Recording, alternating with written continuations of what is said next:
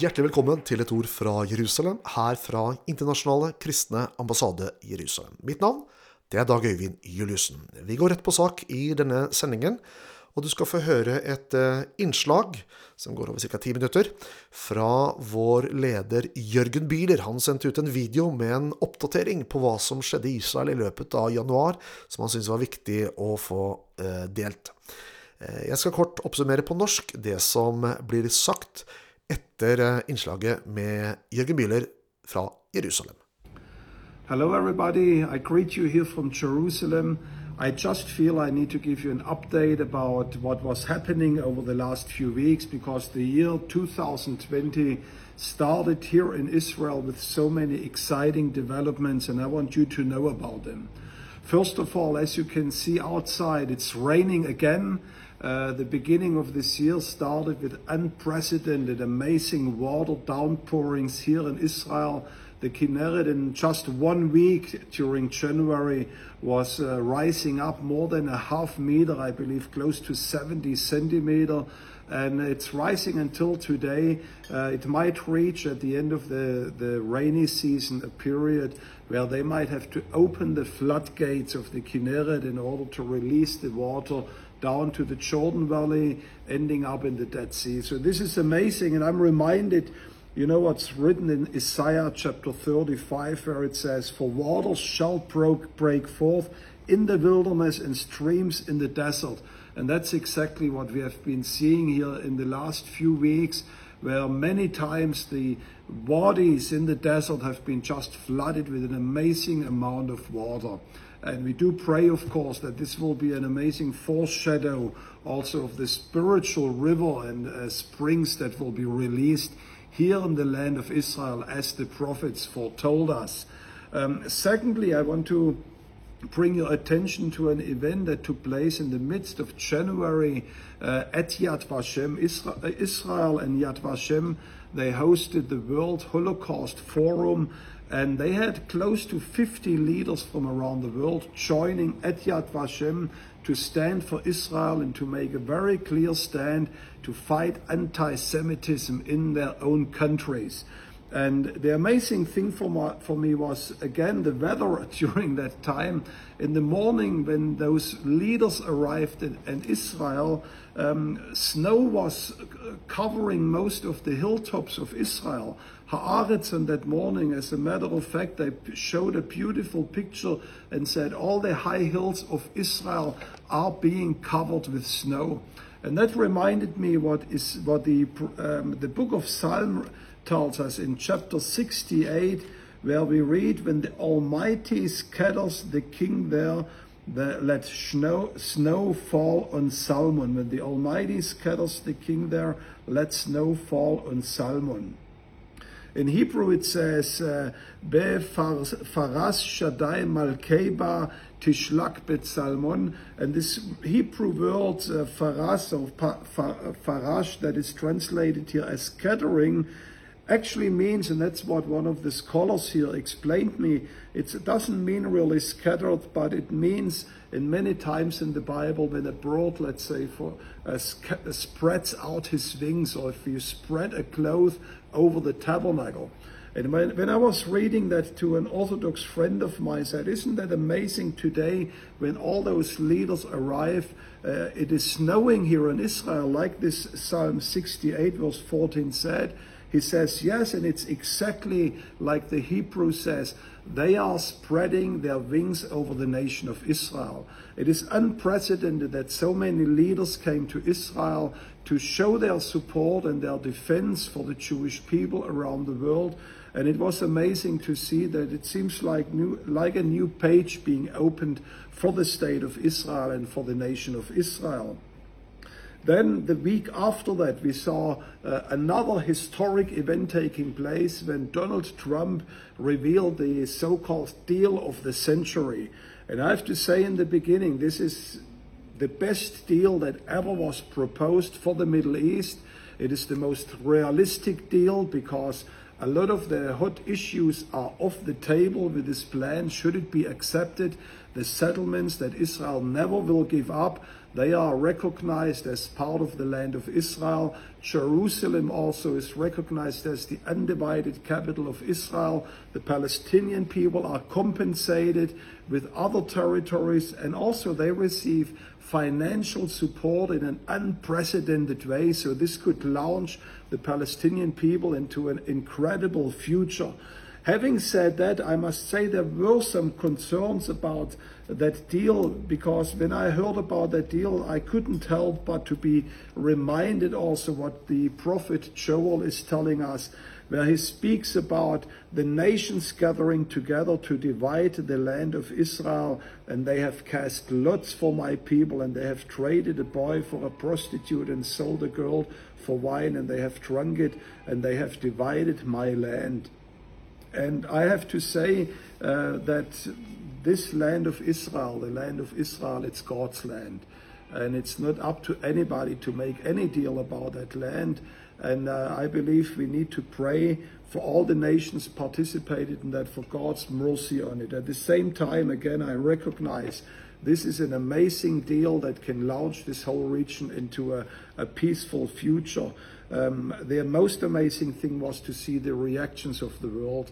Um, normally, it was the Arab nations that immediately vetoed any deal.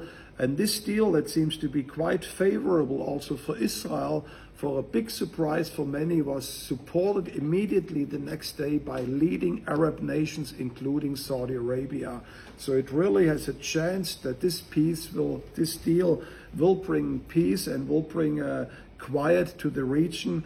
Uh, the nation and the regions that will criticizing that deal were the uh, European nations. The European Union, in particular, uh, was not happy. And it wasn't happy because Israel was not treated fairly, with, but because they felt that Israel was treated too positively in that. And that really caused great concerns of me because that uh, nations I know, and the Bible tells us that they will be judged in the way how they're dealing with the nation of Israel. But God says, if you touch my people, you are touching the apple of God's eye. And I would like everybody who's watching us today, in particular from Europe, that you pray for your nations, that they align themselves with God's purposes from Israel. This is indeed not a perfect peace plan. It will divide the land but it is something that, at least humanly speaking, can bring a season of quietness and peace to the region. So please pray for your nations, in particular Europe. There were good nations that were standing up for Israel, in particular Hungary and, and Austria and some other countries in Europe that even blocked a resolution. But please pray for your own country, especially if you are from Europe, because uh, it is the apple of God's eye which we are dealing here with. Uh, finally, another great news that took place here in Israel is that in the month of January, those gas finds that were found out in the Mediterranean, the the uh, the um, the gas pipe literally was opened this month, and the first supply of gas was delivered to Egypt.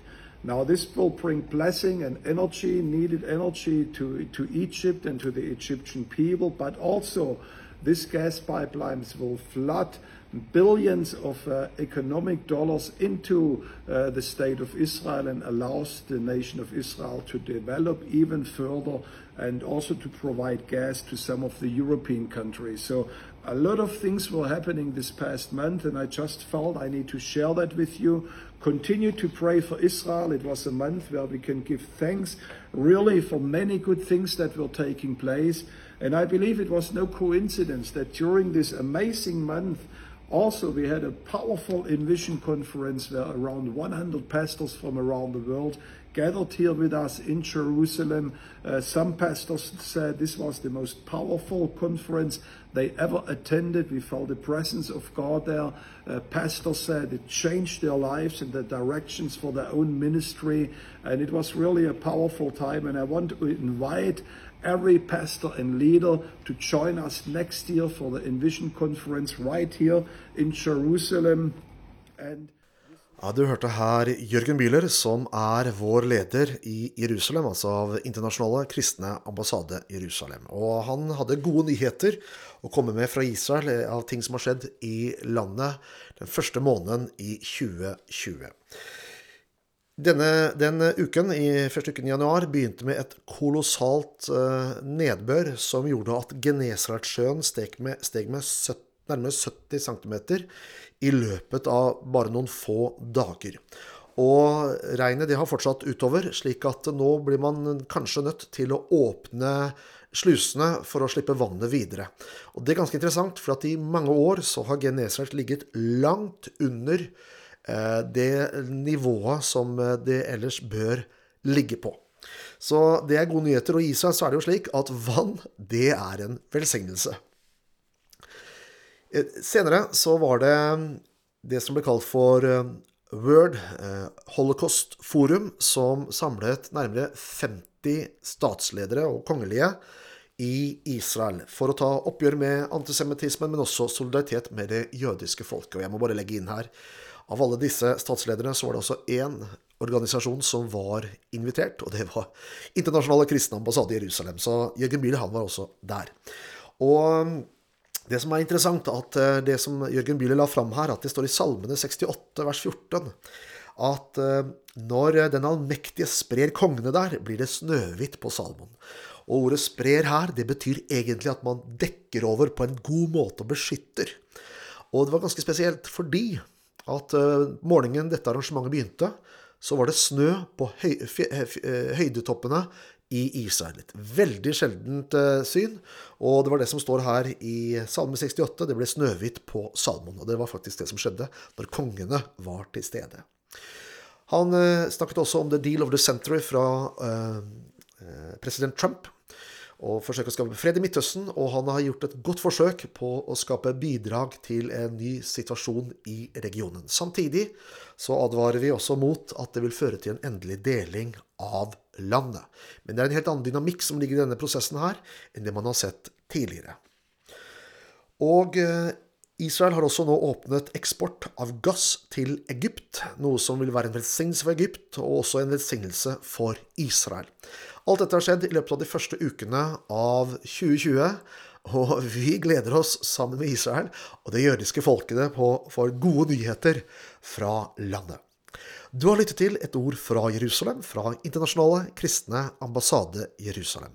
Mitt navn det er Dag Øyvind Juliussen, og jeg oppmuntrer deg, følg oss på Facebook, let oss opp på ICEJ Norge, eh, og få nyheter fra oss bortimot daglig. Takk for følget og Gud velsigne deg.